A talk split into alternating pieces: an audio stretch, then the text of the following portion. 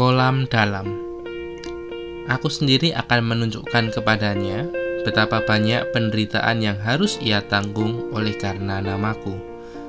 Kisah para Rasul pasal 9 ayat 16 Bacaan kita hari ini terambil dari Kisah para Rasul pasal 9 ayat 1 hingga 31 Beberapa waktu lalu ketika saya berenang di sebuah kolam renang umum saya melihat pemandangan yang menarik.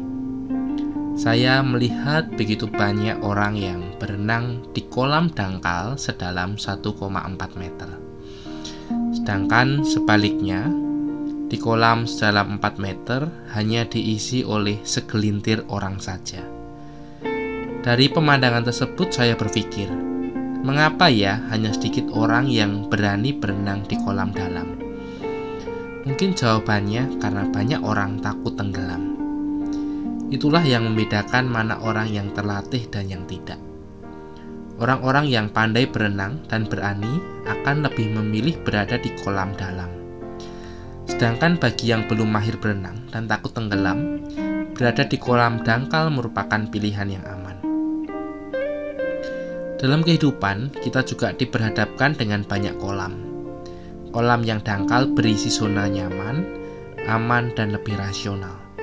Sebagian besar orang akan memilih kolam ini. Ada pula kolam yang dalam, kolam yang berisi bahaya, tantangan, dan juga perjuangan. Hanya sedikit orang yang mau menjalaninya. Paulus salah satunya. Ia berani memutuskan untuk beralih menuju kolam dalam yang berisi tantangan, bahkan penderitaan karena menjadi rasulnya. Ia juga berani mengajar dan berani menghadapi resiko terburuk yaitu kematian. Namun di kolam dalam inilah Paulus dipakai oleh Tuhan untuk menjadi alat kemuliaannya.